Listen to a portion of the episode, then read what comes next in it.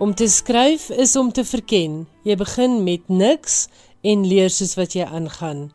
En met daardie woorde van die Amerikaanse skrywer E.L. Doctorow, goeienaand en baie welkom by nog 'n uitsending van Skrywers en Boeke op RSG aangebied deur Elsje Salzwetel. Dankie dat jy saam met ons vir die radio kuier. Vanaand gesels ek met Susan Koetser oor haar splinternuwe lekker leesroman Die Uil in die Ysbos. Suzette Kotse Meiber gesels oor 'n nuwe fiksieboek oor Genghis Khan wat sy kan aanbeveel en in die slypskool vir voornemende skrywers van spesifiek radiodramas maar ook sommer in die algemeen gesels Ina Strydom vanaand oor karakters en karakterisering. Johan Meiberg sluit die program vir ons af met sy internasionale bydrae en daarin kan jy vanaand meer uitvind oor die werk van die kinderboekskrywer David Walliams, wie se boeke natuurlik ook in Afrikaans beskikbaar is. Die wenner van die Desmond Elliot Prys is aangekondig en Johan bring ook hulde aan die digter Steven Dunn wat onlangs oorlede is. Ek hoop jy geniet vanaand se skrywers en boeke.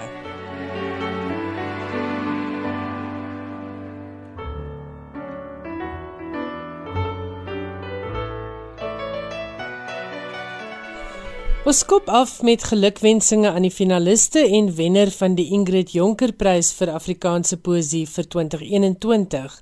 Die wenner van hierdie gesogte prys is verlede week aangekondig en van skrywers en boeke se kant af baie geluk aan Ryan Pedro wat dit gewen het vir sy bundel Pink Ceramic Hondjies uitgegee deur Kwela. Ons het onlangs met Ryan hieroor gepraat nadat hy die Universiteit van Johannesburg se debuutprys verower het. So gaan luister gerus weer na daardie gesprek. Hartlik geluk ook aan die twee digters wat saam met Ryan die kortlys gehaal het. Hulle is Lynthia Julius vir haar bundel uit die Krus ook uitgegee deur Kwela en Gisela Uliat vir die waarheid oor duwe uitgegee deur Protea Boekhuis. Ryan Pedro se bundel is deur beoordelaars bestempel as 'n kragtige en indrukwekkende bundel deur 'n vernuftige digter met sterk talent. Pedro is ook lof toegeswaai vir die manlike kode in die bundel wat die aandag trek en vernuwing bewerkstellig. Die digter lewer ook sterk kommentaar op die skynbare normalisering van geweld in die samelewing, maar terselfdertyd word die poëtiese aanbod juis die klankbaan om die geraas van geweld stil te maak. Die bewustelike benadering tot poësie skryf kry gestalte in die struktuur van Pedro se bundel wat ooreenkomste toon met 'n musiekalbum. Die manier waarop hy die hondemotief in die bundel hanteer is volgens die beoordelaars een van die flinkste aanduidings van 'n digter wat bewustelik aan die werk is. Die bundel hou rekening met die vergrype van die verlede, maar slaan ook terselfdertyd 'n nuwe koers in. Die digters persona is soos die keramiek in die titel, hartgebak maar broos. Dit dan net van die beoordelaars kommentaar op Ryan Pedro se bundel Pink Ceramic Hondjies en dit is aangewys as die wenner van die Ingrid Jonker Prys vir Afrikaanse poësie vir 2021. Bundels wat in 2019 en 2020 uitgegee is, het vir hierdie prys in aanmerking gekom. Oor Lynthia Julius se uit die Kruis het die beoordelaars vir al positiewe kommentaar gelewer op haar gebruik van taal en die portrette van vroue wat sy met woorde skep. Julia se stem word beskryf as onmiskenbaar 'n vroue stem, eie tyds sterk, onverskonend. Die digter skryf oor haar nama afkoms, maar ook verder terug oor slawe en arbeiders wat sonder keuses lewe. Sy skryf ook oor waar sy haar in die hede bevind, in 'n komplekse en dikwels pynlike oorgang tussen haar persoonlike wortels, haar ma en tantes wat in 'n patriargale stelsel swaar kry, maar tog tuis voel, en haar nuwe wêreld as universiteitsstudent met nuwe moeilike verhoudings waar die oorblyfsels van taboes ook nog spook, maar waar sy vasbeslote is om haar eie voorwaardes te bepaal en haar eie rol te smee. Dit dan die beoordelaars kommentaar op Lynthia Julius se bundel uit die Kruis. Gisela Uliat se bundel Die waarheid oor duwe word as 'n sterk volwasse en deurgekomponeerde bundel bestempel met kortstondigheid, verlies en sterflikheid as temas en met pynlik mooi verse met 'n tydlose kwaliteit. Daar word ook melding gemaak van die beeldrykheid en veelvlakkigheid, die wye verwysingsraamwerk onder meer Bybelse en Boeddhistiese verwysings en die sorgvuldige vakmanskap en deeglike afwerking. Ongelukkig is Gisela verlede jaar oorlede, maar baie geluk aan Ryan Pedro en Lynthia Julius. Die Ingrid Jonker Prys word jaarliks beurtelings toegekend aan 'n Afrikaanse of 'n Engelse debuut digbundel. 15 digbundels is vanjaar ingestuur. Die beoordelaars was die digters Corneille Coetzee, Johan Meiburg en Susan Smith. Die prys word in September by die Tuin van Digters in Wellington oorhandig. Die prysgeld van R10000 word geborg deur die Dagbreek Trust. Skrywers en boeke. Alles wat jy oor die boekewêreld wil weet en meer. Een van die lekkerste leesverrassings van 2021 is Susan Koetser se roman Die uil in die ysbos. Dit word beskryf as 'n sprokiesroman vir groot mense en vertel die verhaal van Gracie Jane Coetzee, 'n kinderboekskrywer en illustreerder. Die boek speel af in die eerste paar weke van streng inperking in Maart tot Mei 2020, 'n tyd wat Gracie dwing tot selfondersoek en konfrontasie met die spooke uit haar verlede. Maar kom ons hoor wat sê die skrywer van die uil in die ysbos, Susan Koetser.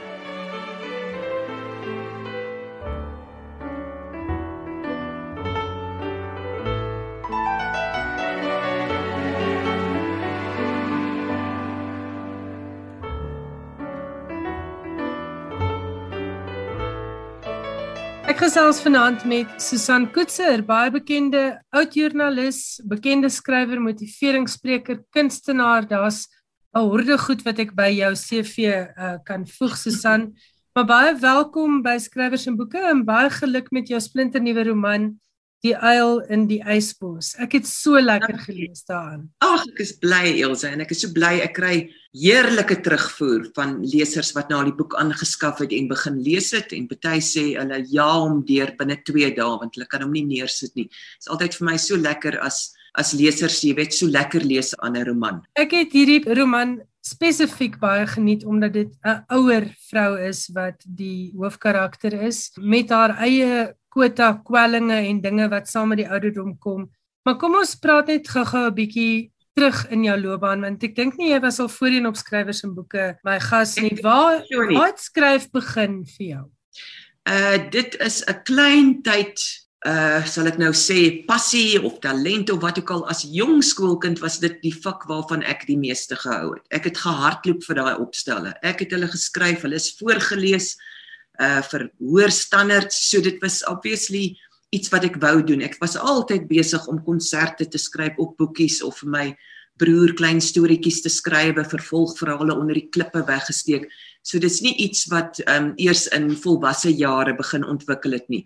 Ek was baie in two minds of ek uh, moet gaan studeer om 'n aktrise te word of om eerder journalistiek skryfkuns te studeer. So gelukkig het die twee mekaar ingehaal en ek kan van hulle voet. Al twee help mekaar eintlik. Want jy het um, uiteindelik as ek reg onthou, het ons jou leer ken as aktrise. So jy het gaan dramas voor. Ek het as jong skrywer het ek 'n klomp kortverhale gestuur na um, Tafelberg. Het my wonderlike terugvoer gegee en hulle wou my begin shape as 'n skrywer. Dit was natuurlik 'n bietjie angry young woman. Mense mos maar nou jonk en opgepof en kwaad in die wêreld en so aan. Maar toe het my passie vir om eers die rolle te speel, het toe nou het, ek het eers daarna toe gegaan. En is eintlik goed um, op die ou einde want ek dink um, hoe meer 'n mens groei, dis soos rooi wyn, hoe hoe, hoe ouer jy word, kan jy baie kere 'n beter skrywer wees deur ervaring. Ek sê nie dit is so nie, maar in my geval dink ek was dit vir my nodig om eers al daai ander draaie ook. Maar gelukkig ehm um, het ek as joernalis gewerk en dit is daai toonlere op die klavier gewees, daai dissipline. Want hoeveel romans het ek nie al begin en so 'n paar honderd woorde of duisend woorde later word dit net in 'n geliaseer en ek skryf dit nie klaar nie. So die journalistiek het my die dissipline gegee om elke dag te moet skryf, om dit op 'n eh, timeline te doen, om dit in te bring op 'n keerdatum. Somstyds bied ek skryfskole aan en dan sê ek een van die moeilikste dinge is daai dissipline om klaar te maak wat jy begin. Klomp halfboeke help niks. So ek is dankbaar vir elke um, pad wat ek gestap het om my tot hier uit te bring waar ek met groter ervaring, meer dissipline, beter karakter, ervaring as aktrise wat jou in die skoene kan sit van ander karakters om dit na die tafel te bring as 'n romansier. Dis nou 'n grand woord daai, nê? Nee. Sê net gou vir my, hoeveelste boek is hierdie? Nee, seker nou al so as ons nou almal tel. Ek het eers vir Carpe Diem geskryf wat daar's uh, goed wat ehm um, saamgevat is wat in Rooi Rose was, Sonneblomme en Daisies was agterblad van Finesse Lisa se dagboek so. Hmm. Daar's seker nou al so na aan 20 boeke. Maar die romans het ek is dit my 6ste een. En dit is die, dit is my die groot kanon. Dit is my as ek 'n roman moet skryf dan raak ek al onrustig nog voor ek begin. Is is 'n moeilike en dit is harde werk en jy werk lank daaraan veral met die NB en Iman en Rasoul is deeglik. Hulle is van die heel beste mense in ons land. Hulle laat nie sommer 'n boek deur hulle vingers glip en ons publiseer hom net nie. Hulle bring die beste uit jou uit. So ek is baie dankbaar daarvoor. Hulle keurders, hulle werk saam met jou. En uh die manuskrip ontwikkel nog lank nadat jy hom ingegee het by hulle. Nee, al het jy 'n kontrak en daar stuur jy jou eerste MS in, weet jy, jy wag so 'n maand of 6 weke dan kom die terugvoer van buitelesers en van die persoon wat ehm um, jou oversee en dit is altyd opbouende kritiek en dit is waardevolle kritiek. So ek is nooit ehm um, defensive nie. Ek hmm. ek vat dit soos 'n present. Dit help my. So ek sien op my perkie oor dis goed. Hulle help my om hierdie om die produk en ek dink hierdie ehm um, roman die Eile in die ysbos is beter as Selma en Louise alhoewel ek Selma en Louise baie geniet het en ek dink Selma en Louise was beter as die vorige een so maar hierdie is die teikenmark is vir die gewone inklusiewe Afrikaanse leser daar buite dit is hmm. nie eksklusief nou net 'n Christelike leser nie dit is nie 'n koemboek nie dit is 'n boek vir alle vrouens en mans, daar's baie mans ook wat vir my sê jy verkoop seker nie aan mans nie, maar dan bestel hulle boek by my. So ek is baie bly want die manskarakters in hierdie spesifieke boek ook is nice ouens. Hulle is hulle is nie nare mense nie, dit is lekker.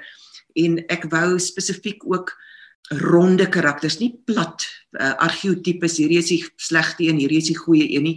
Ek wou interessante real life mense bou waarmee meeste van ons kan identifiseer. En die, die hoofkarakter Gracie is 52 word amper 53 met ander woorde daar is al baie tree wat sy deur die lewe gestap het en sy kom met ervaring na die na die boek toe maar uh, ons praat nie net oor die volwasse uh, Gracie nie. Daar word ook ons ons leer ook baie uit haar kinderjare ken en haar tienerjare ken om haar beter te vorm. En ons leer haar ook ken deur die sprokies wat sy skryf en sy die karakter Gracie is 'n kinderboekskrywer wat vir my 'n baie baie lekker bonus van die boek was want deur die sprokies wat sy skryf leer ken mense ook haar pyn en die pad wat sy gestap het op 'n baie interessante manier. So ek wil vir jou vra ja. daaroor, hoe, het jy besluit op Gracie? Was sy van die begin af in jou kop 'n skrywer of het die skryf van die sprokies later bygekom? Hoe het sy ontwikkel? Sy het nogal lank gevat om te ontwikkel. Ek was besig met die boek reeds in waar in in 2019 se einde het ek begin skryf die die iemand in Resou mense ontmoet by Woordfees en toe het ek al 70000 woorde geskryf. Toe sê ek vir hulle is nie goed nie. Ek kan myself evalueer. Dit voel akademies. Ek connect nie met die karakter nie en kan ons die boek net op ys sit tot 2021 en ek skryf dan nou vir jaar. Maar toe 2 weke daarna gebeur die inperking en toe het ek letterlik daai ou teks van my verwerp. Ek het dit laat gaan. Ek het hier en daar stukkies gebruik van vooraf begin ingeskakel na 2 weke van TV kyk of 3 weke van TV kyk, chocolates eet, lê, slaap was ek glad nie meer moeg nie want ek het gesê ek is te uitgeput. Ek het so baie hoe op my vurk gehad verlede jaar met funksies. Toe val dit alles deur die mat. En toe ehm um, dink ek ek gaan nie my tyd mors nie en ek skryf toe vir hulle kan ek nou sal julle daarvan hou kan ek wel nou met die roman voortgaan ek gaan van voor af begin. So Gracie is letterlik ek het ingeskakel as skrywer by die energie wat oor hierdie planeet, oor Johannesburg, oor Suid-Afrika gehang het en dit was angs. Dit was verlatenheid, dit was verlies dit was verlange, dit was isolasie, al daai goed wat het ek toe ewe skielik werklik mee gekonnekt en ek het lewendig gevoel. Dis nie net o, ek moet nou by die funksie wees, ek skryf gou 'n bietjie nie. Ek kon in emosionele skoene klim en ek het besluit ek gaan uh dit hou by Gracie se perspektief en ek hoop ek skryf my nie in 'n hoek vas nie want die uitgewer sê ook as jy een perspektief het kan jy verskriklik diep werk. So ek het baie diep met hierdie karakter gewerk en die ander karakters het dan natuurlik ook, jy weet, help lig. Ja, familie, die eksman, die kleinseun, die seun, die vriendinne, die skoonouers, al daai goed om haar maar dit sy was in haar kop en die sprokies terwyl ek nou hier so vasgekeer was in my huis het ek gekyk ek het so laai met al die goed wat ek al geskryf het in my lewe. En daar kom ek toe af op van die goed wat ek vir my eie seun geskryf het en selfs voor dit het ek baie keer liedjies en rympies vir mense geskrywe en ek sien toe ek kan van hierdie goed in hierdie storie inwerk dan hoef ek nou nie jy weet ander mense se aanhalinge op gedigte of wat ook al te sos nie. Ek het my eie goed en ek kan dit 'n bietjie aanpas en verander en sy het toe organies kinderboekskrywer kinderillustreerder en 'n argitek ek wou haar nie iets laat doen wat ek nie werklik ook goed verstaan nie sodat ek makliker kan werk met dinge wat ek reeds van kennis dra. Ek kan daarom ook 'n bietjie illustreer. Um, ek het nou nie kinderstorieboeke geskryf nie maar ek het al al hierdie rympies en klein verhaaltjies en goed toe my kind self klein was en toe kom so gestoot in die pram terwyl ek nou sommer een aan en ek het baie in rym ook geskrywe want jy skakel maar in met wie jy in kontak is in daardie tyd van jou lewe. So toe my seun klein was, het ek het ek baie gefokus op die kindergoedjies ook. En nou het ek 'n klein seun en nou kom al daai dinge weer na vore dat jy weer vir die klein seun ook eendag storieetjies sou wou lees en jy weet in fantasie ek speel baie speletjies met hom die groot daar dra of jy weet ons maak baie stemme hy's 'n baie kreatiewe en ek dink nogal daar sit dalk 'n akteur ook in daai klein seun al is hy nou al 3 want hy het ook al hierdie gesigte. So dit is maar mens werk met ook wat in jou gemoed aangaan en dan bou jy hierdie karakters ver van jouself af en ander mense, maar jy sos altyd uit dit wat reeds daar is. Jy begin nie net skryf van ek begin altyd met iets wat ek reeds ken. Jy sien nou 'n interessante ding dat jy put uit jouself, maar jy plaas die karakters ver van jouself. Ek dink mense wat die boek reeds gelees het, het dalk plek plek gewonder of hierdie geskoei is op jou eie lewe of op dele van jou eie lewe. Ek dink dit is 'n vraag wat mens altyd vra wanneer jy 'n ja. boek lees. Hoeveel van 'n skrywer se eie lewe het neerslag gevind in hierdie boek? As ek skilder ook of as ek skryf, dis tog die mens. Jy weet anders dit is soos met daai eerste poging. Dit was ver verwyderd van myself. 'n Muur en dan skryf ek nou vir julle 'n storie. Hierdie keer het ek dit toe nou gekyk, wat gaan hier aan? Waaroor is ek ook angstig? En hier op omtrent 10 jarige ouderdom was daar 'n poging tot inbraak. Ek dink ons het op Vredenburg gebly om 'n transistor radio een nag uit my kamervenster. As 10 jarige het ek gehoor gaan die venster en hier kom 'n hand in uh om my radiootjie te steel en ek het gehardloop en hulp gesoek. En dit het so skrikwekkende indruk. Ek is 'n sensitiewe kind gewees ook dat ek uh, het onthou daarna was ek so bang om te gaan slaap. Ek het die vensters elke aand 3 keer moes check. 3 keer hande op die Bybel, 3 keer kniel. En dan ontstaan daar amper soos 'n bygeloof in steede van 'n geloof. Um 'n ritueel om die boosheid of die vrees te besweer en ek het wel ek het gelukkig het ek dit ontgroei, maar dit het 'n rukkie met atletiek ook jy moet seker goedjies doen om te kan wen of om so daai ek het dit al opgelet by ander mense ook wat dit oorgedra het reg tot hulle volwasse lewe ook. En dit is 'n dit is soos 'n kus amper het ek gesien by hierdie mense. Hulle moet 3 keer uh, oor blokkies spring en dan vorentoe en agtertoe. Dit raak 'n hele ritueel voordat hulle iets sou kon doen. Gelukkig het ek daai ding jare gelede afgeskit, maar daar kom in angstye. Ek sou jok as ek sê dat ek geen angs het nie. O aarde, wat het nou gebeur? So die uil ook wat daardeur is is ook verbind aan uh onheil maar ook aan wysheid. So ek het uit die wegspringblokke het ek dit toe gehad om mee te spring. Die hele planeet is angs geïsoleerd en Gracie se karakter is organies. Ek het 'n bietjie gegoogel ook. Ek was alself deur posttraumatiese stressindroom wat ek ook ingewerk het. So en ek was al uh, toe ek dit as 'n volwassene het 'n mens al 'n terapeut besoek. So jy kon al hierdie dingetjies van leen. Daar was geen drank terwyl ek die boek geskryf het nie. Daar was geen whisky of nie. So dit kan hulle nou nie aan my tag nie. Maar en ook nie probleme met jou kind nie en ook nie ja, daar's baie goed ek nou sy kinders ook gebring en met my klein seun en met my seun ook. So niks van dit nie. Mens gryp goed om spanning, jy weet, as grondslag daar te stel en jy jy vat van jouself maar definitief baie ver van my eie storie af. Ek reis die hele land hierdie hierdie karakter wil nie uitgaan eers om 'n kruideniersware te gaan koop in gesonde tye nie. Sy kan nie haar kind se verjaarsdag bywoon of troue nie van angs. En ek is altyd die een ek wat Susan is om die partytjies te help reël. So ek is 'n proaktiewe organiseerder en ek nooi sommer 40 mense uit en kook vir hulle. Maar ek ken angs. Ek ken fases van angs, so ek kan dit daarmee gewerk het en iets gebou het.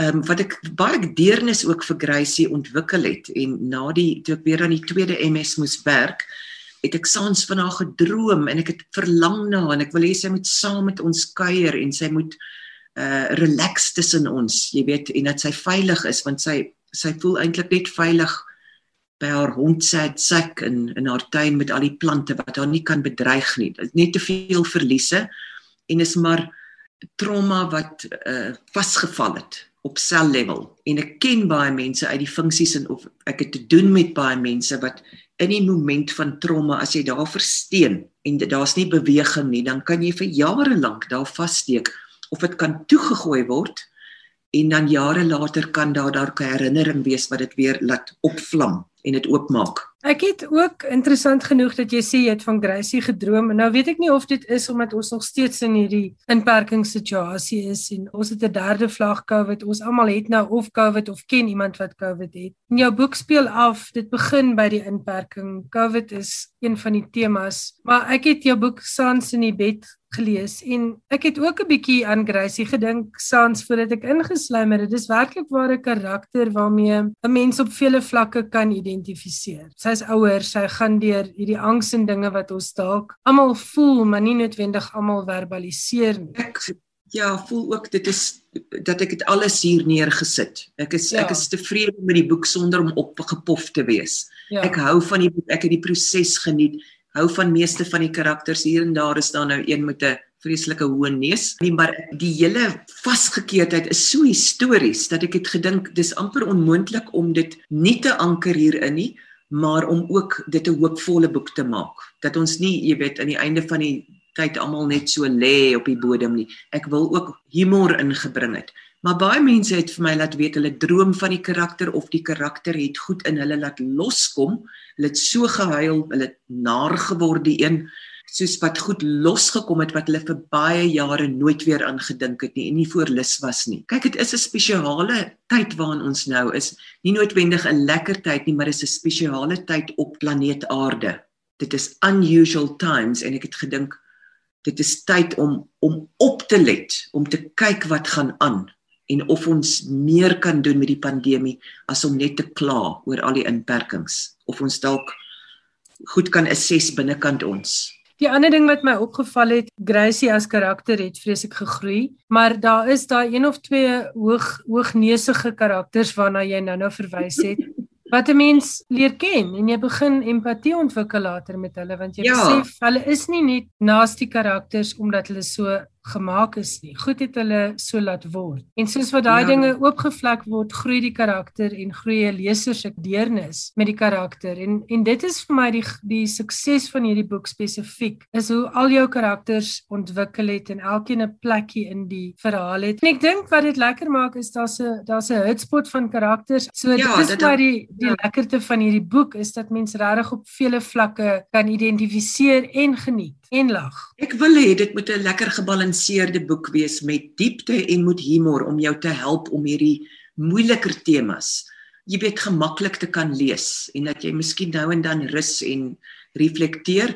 Wat was my heerlik om daaraan te werk en om lank daaraan te werk om vir die eerste keer ook dit nie te probeer doen tussen honderde ander funksies en ek moet om die tyd te hê om werklik aandag te gee. En ek dink dit is ook hoekom die produk op die ou einde wys ek kon diep werk en met die hulp ook van uh, iemand in resouse mense Nelleke en Truies hulle keerders ook. Hulle het sulke goeie mense daar wat neutraal kyk en en 'n 'n skrywer kan help. En soos wat ek sê ek is altyd meer as gewillig om te gaan um, met met sekere aanwysings wat hulle gee Nou is ek al weer bang om die volgende een te skryf. Sal eers moet rus. Mense is mos maar as skrywer of skepende mens, voel jy mos maar jy so goed soos jou laaste goeie produk. Altyd, né? Ja. Maar ek wil nou vir jou 'n ander ding vra. Jy sê jy het nou uh dieper en langer geskryf. Hoe lank het jy gewerk aan hierdie boek? Ek sou sê hier begin Mei het ek begin werk aan hierdie boek nadat ek nou al daai ander goed laat gaan het. So dit is lank. So jy so die eerste ehm um, poging is sê dan maar 4 maande, dan gee jy dit in, dan kry jy dit terug, dan skryf jy weer so 6 weke daaraan, dan gee jy dit terug, dan skryf jy weer so 2 maande. So dit is uitgestrek en dan gaan jy vir ou laas om te kyk of jy enige fout moontlik en dit is waar hulle so speurronde werk op die timeline of sê net maar het hulle al Marlboro sigarette in daai jare gerook om al daai goed moet moet gekyk word dat ek nie per ongeluk 'n fout gemaak het ehm um, waar ek uit geheue geskryf het eerder as om alles so dan fyn kam die speurronde. Ehm um, so dit en dit het toe gegaan na die drukkery dink ek sinema my maand so my tot my en nou sy uit. So dis 'n hele jaar. Dis 'n jaar wat dit werk. Ja. Ja, ek het tussenin nog 'n boek geskrywe, maar dis 'n dagstukkie boek vir Lux Werby, 'n sonneblom vir elke dag wat nou in September uitkom, maar dit is 'n ander genre, maar ek het die die twee goed begin skei sodat ek romans vrylik kan skrywe vir die deursnee mark dat daar nie iemand kom en my tik oor die vingers as daar dalk 'n vloekwoord in is of is dit dalk nie pas in daai netjiese boks baie kere hmm. waar ehm um, jou meer Christelike boek moet jy daarin daar's te veel lesers wat daar so speurhonde rondloop om te kyk of jy dalk iets verkeerd gedoen het.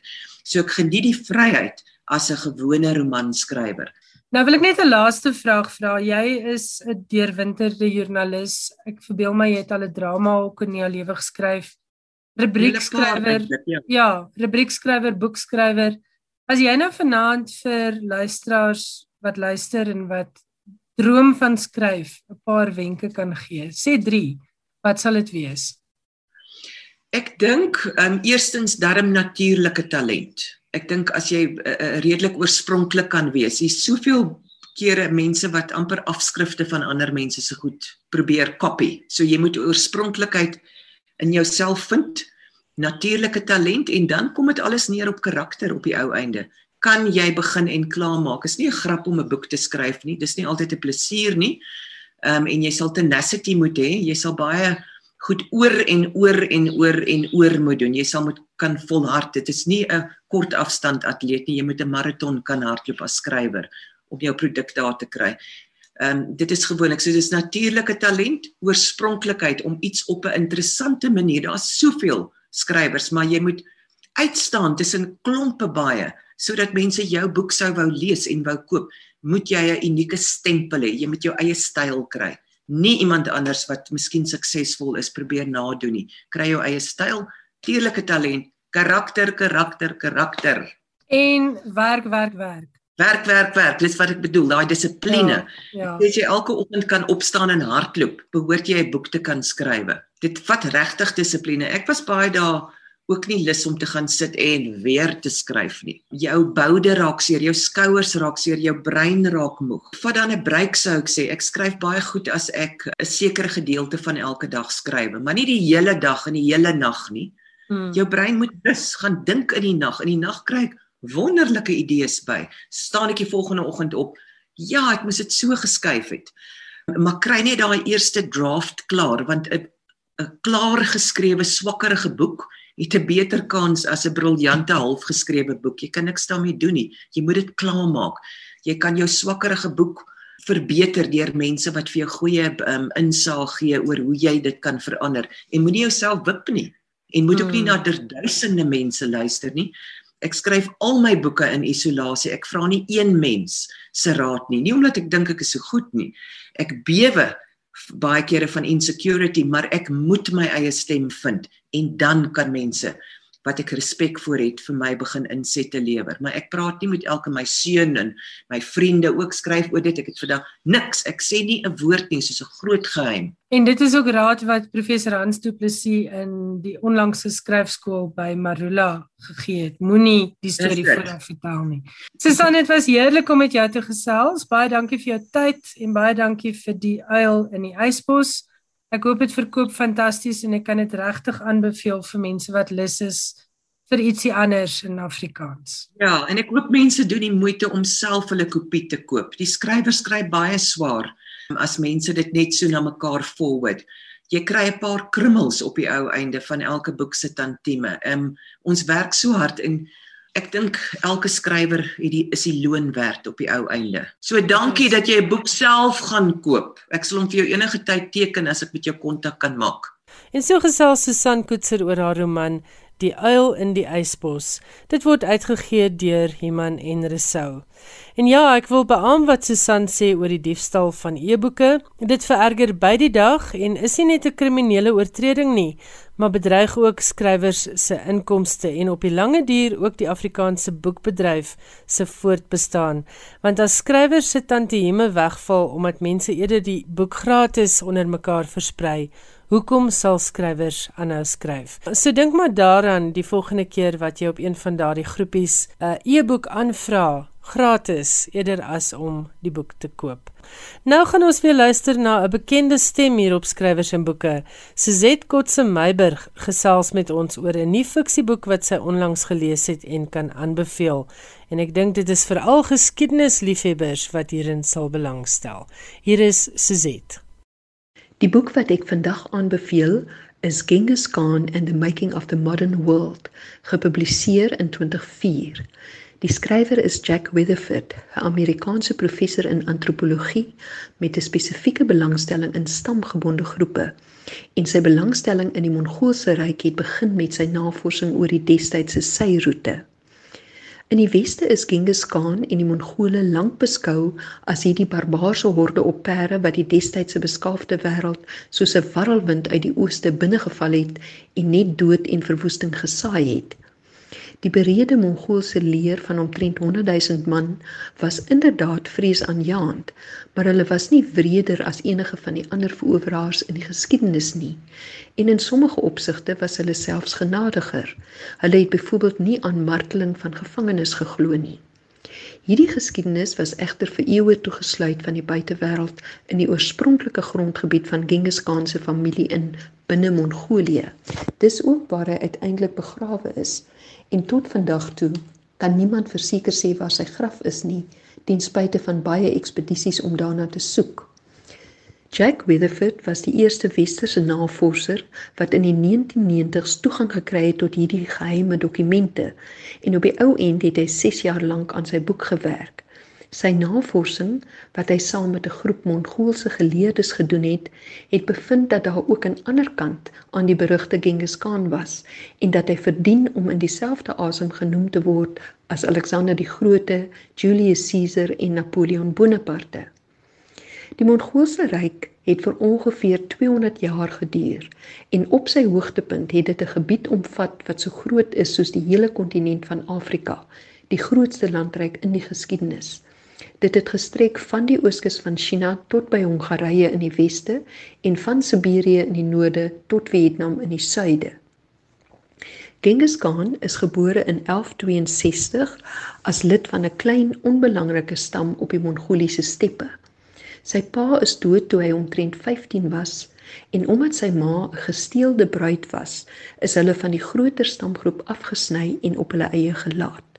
Gevolglik was Genghis Khan se vormingsjare 'n verbete stryd om aan die lewe te bly en omdat die familie min diere besit het, moes hulle op jag staat maak vir kos.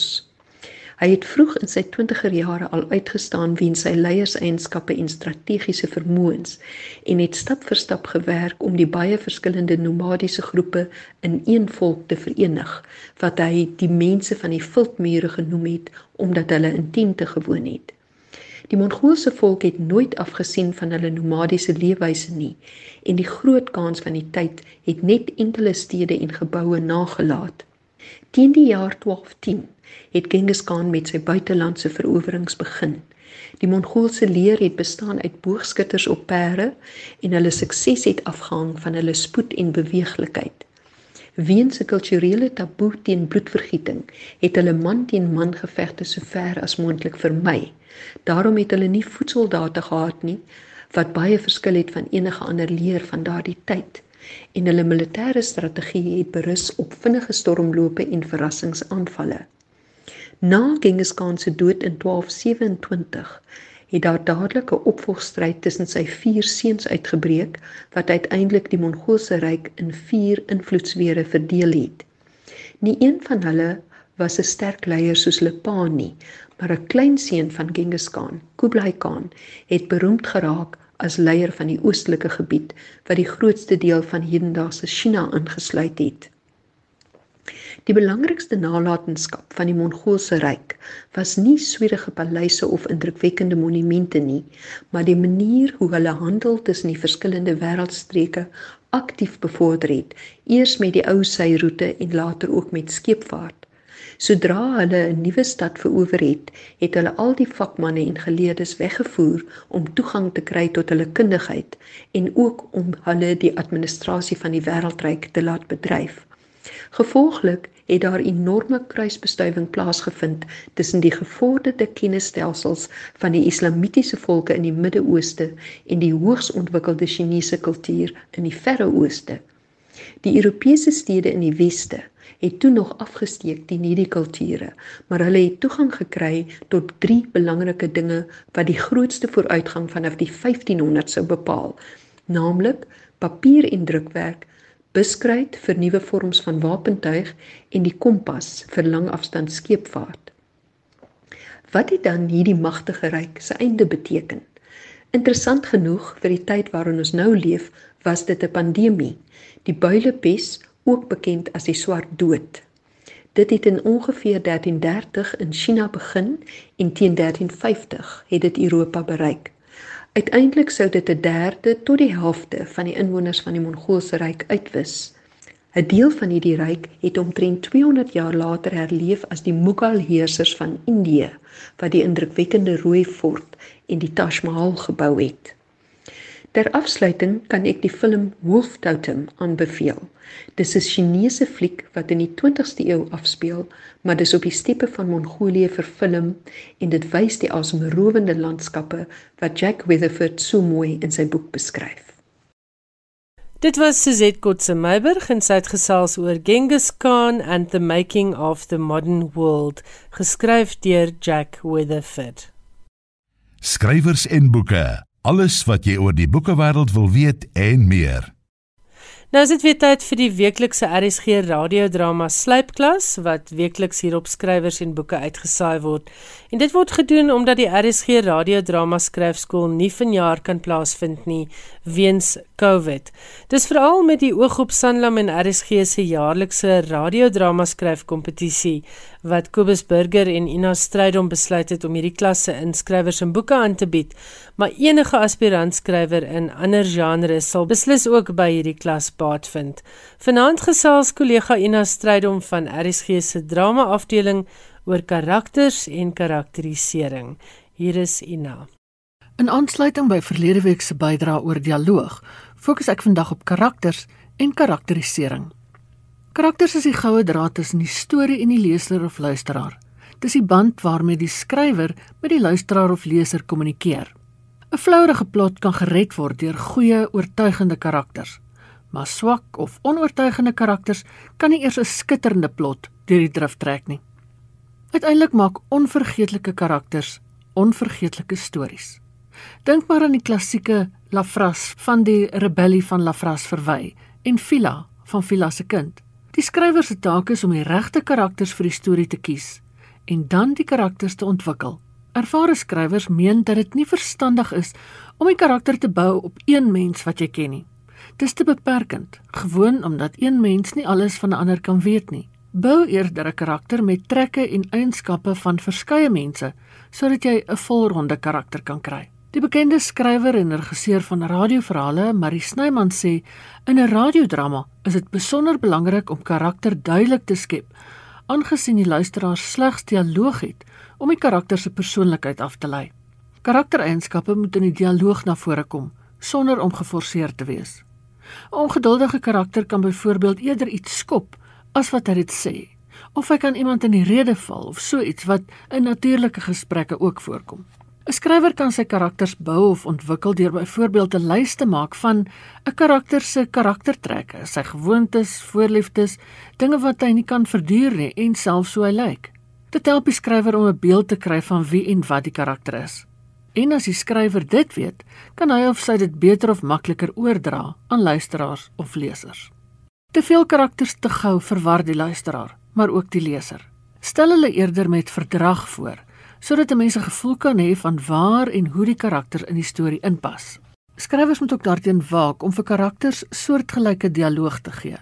As alle karakters byvoorbeeld Engelse woorde tussenin gebruik of almal formele dialoog gebruik of pittig of spitsvondig is, is daar geen duidelike karakterskepping nie.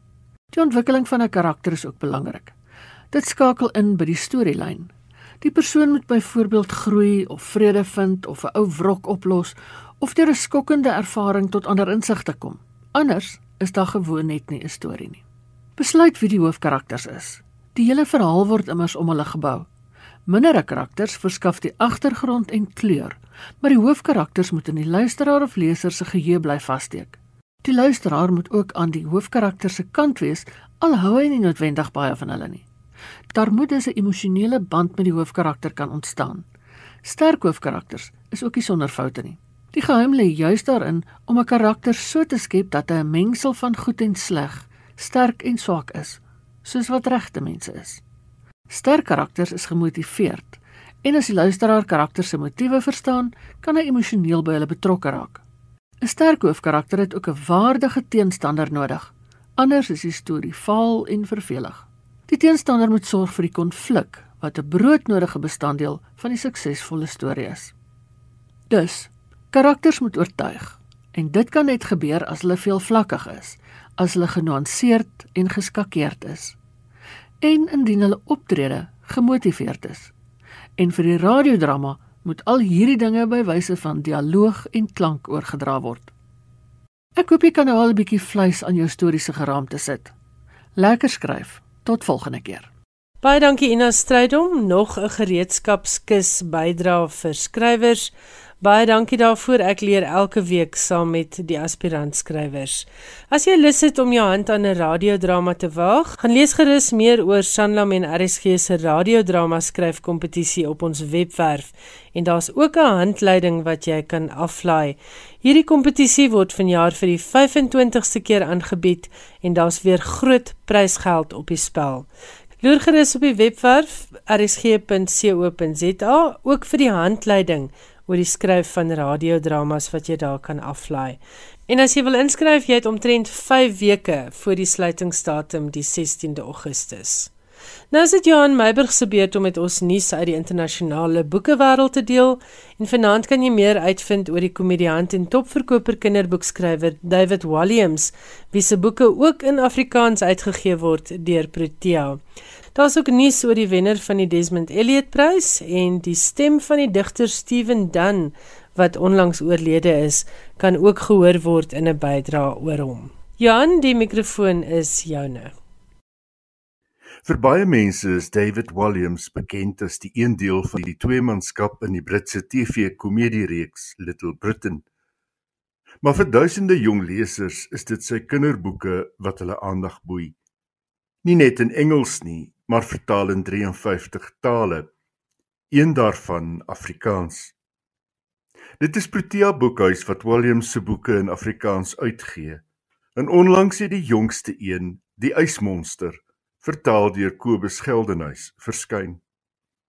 Dis die verhaal van Elsie, 'n weeskind wat in die tyd van koningin Victoria in Londen op straat bly en te hore kom van 'n geheimsinnige ysmonster. 'n Wollaar mammoet wat in die Noordpool ontdek is.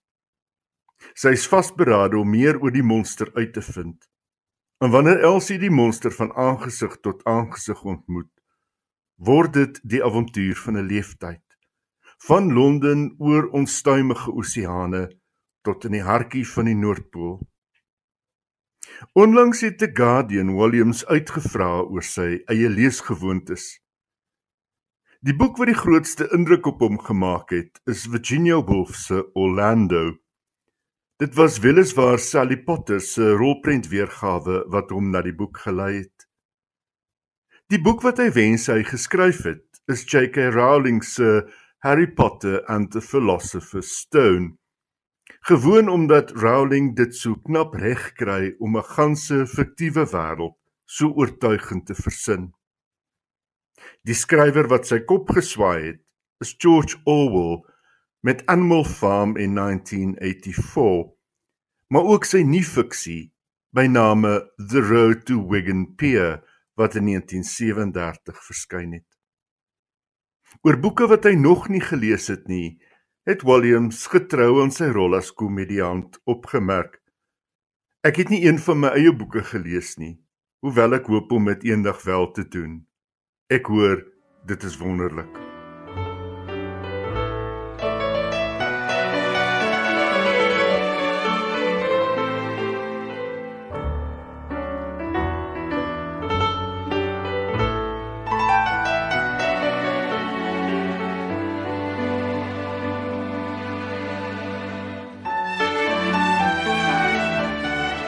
2021 Desmond Elliot Prys is toegekend aan AK Blackmore, 'n skrywer wat haar merk gemaak het as digter en vertaler. Die prys word toegekend aan 'n debuutroman wat in Brittanje uitgegee is en die prys is genoem dat die uitgewer en agent Desmond Elliot. Blackmore het die prys verower met The Manningtree Witches, 'n historiese roman oor die Engelse heksejagte van die 17de eeu. Die beoordelaars het die slim en onverwagte gebruik van die gegewe as 'n voortreffelike mylpaal beskryf. Die verhaal gaan oor Rebecca West, 'n alleenloper in die dorpie Manningtree in Essex. En die gevolge is die vrome Matthew Hopkins, 'n inkomer in die dorpie, vra begin vra. My pa het in Manningtree groot geword, het Blakemore in 'n onderhoud met The Guardian gesê. So ek is vertroud met die omgewing. Ek het aan die roman begin skryf toe ek 'n stil periode in gedigte skryf gehad het. Ek wou net aan die skryf bly. Toe kom die storie asof van nêrens na my toe. Die teenoorgestelde was die ervaring wat die Amerikaanse digter Stephen Dunn gehad het. Hy het 'n roman geskryf wat hy toegegee het vrot was en 'n vriend het hom gewys op die poëtiese kwaliteite in die roman wat hom in die rigting van poësie gestuur het. Dan wat in 2001 die Pulitzerprys vir poësie ontvang het, is onlangs op sy 82ste verjaardag dood in die deelstaat Maryland. Die Pulitzerprys het hy gekry vir sy digbundel Different Hours. Dan was by uitstek digter wat die aandag kon vestig op gewone en alledaagse verskynsels. En daarbey kon hy 'n groter of verskuilde betekenis aan die lig bring. So was dit die geval met sy debuutbundel in 1974. Die titel van die bundel gee reeds aanduiding daarvan Looking for Holes in the Ceiling. Dit was maniere om 'n middelklas lewe te oorleef. Om sin te maak daarvan en bovenal uitweë te soek uit alledaagsheid wat hy in sy gedigte verwoord het. Dit alles op 'n manier wat by die leser 'n sug of 'n glimlag van herkenning wek. As voorbeeld hiervan haal die New York Times in sy huldeblyk die gedig Ariel in the Pines aan waarin dan iets so gewoon soos televisieopvangs as vertrekpunt vir sy gedig gebruik. To cut off the top branches of the majestic pine, once unthinkable for us, was a bit of nature traded for clear reception, for what was fundamental now. The tree looked foolish, like someone well dressed with a bad haircut. But the television had become what to do with difficult time important, an antidote to speaking if need be, company when your nerves couldn't bear the silence of a printed age. Gevra oor digters wat 'n invloed op sy digterskap gehad het, het dan 3 uitgesonder: Robert Frost, Wallace Stevens en Theodore Rotke. Van Frost bewonder ek sy strategieë vir komposisie in sy alledaagse dog filosofiese verkennings. Stevens het my geleer dat as die musikaliteit daar is, kan ek ook gedigte waardeer wat ek nie verstaan nie. En Rotke vir sy sensuele speelsheid, maar bovenal sy liriese meditasies en fraserings. Rotke dink ek die meeste het hy gesê. 60, een van die gedigte in Different Hours, 'n kwatryn wat Dan geskryf het toe hy 60 geword het in 1999 aan die vooraand van die eeuwenteling, lui so: The millennium, my dear, is sure to disappoint us. I think I'll keep on describing things to ensure that they really happened. The not yet fallen world Die bundel wat Dun net voor sy dood voltooi het, verskyn volgende jaar. Hier lees Steven Dunn sy gedig Propositions voor.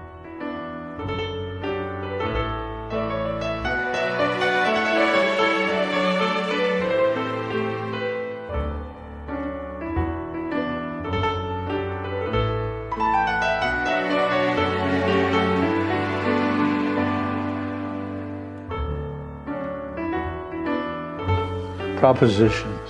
What does a pig know about bacon? Anyone who begins a sentence with, in all honesty, is about to tell a lie. Anyone who says, this is how I feel, had better love form more than disclosure. Same for anyone who thinks he thinks well because he had a thought. If you say you're ugly to an ugly person, no credit for honesty, which must always be a discovery, an act that qualifies as an achievement. If you persist, you're just a cruel bastard, a pig without a mirror, somebody who hasn't examined himself enough. A hesitation hints at an attempt to be honest, suggests that difficulty is present. A good sentence needs a clause or two, interruptions set off by commas, evidence of a slowing down or rethinking. Before I asked my wife to marry me, I told her I'd never be fully honest. No one, she said, had ever said that to her. I was trying to be radically honest, I said, but in fact had another motive. A claim without a but in it is at best only half true. In all honesty, I was asking in advance to be forgiven. Daardie stem het behoort aan Wyle Steven Dunn wat onlangs oorlede is. Hy het sy eie gedig Propositions voorgeles. Soos ek sê, Protea gee al 'n paar jaar lank David Walliams se kinderboeke in Afrikaans uit en nou met die onverwagse verdere inperking weens COVID en die wintervakansie waarin baie kinders wonder wat om te doen, is dit dalk die beste tyd om hulle aan die lees te kry. Geloer gerus op Protea se webwerf. Ongelukkig is dit nou tyd vir my om te groet, maar baie dankie dat jy saamgekuier het. Volgende Woensdag aand is ek en Johan Meiburg en Ina Strydom weer hier om met jou te gesels oor skrywers en boeke en die skryfkuns. Ek gaan gesels met Gerda Taljaard en ons gaan praat oor haar nuwe roman Vier Susters. Tot dan, lekker lees, bly by die huis as jy enigsins kan en pas jouself en jou geliefdes ekstra mooi op tydens hierdie derde COVID golf. En onthou, hierdie onseker en hartseer tye sal ook verbygaan. Mooi loop.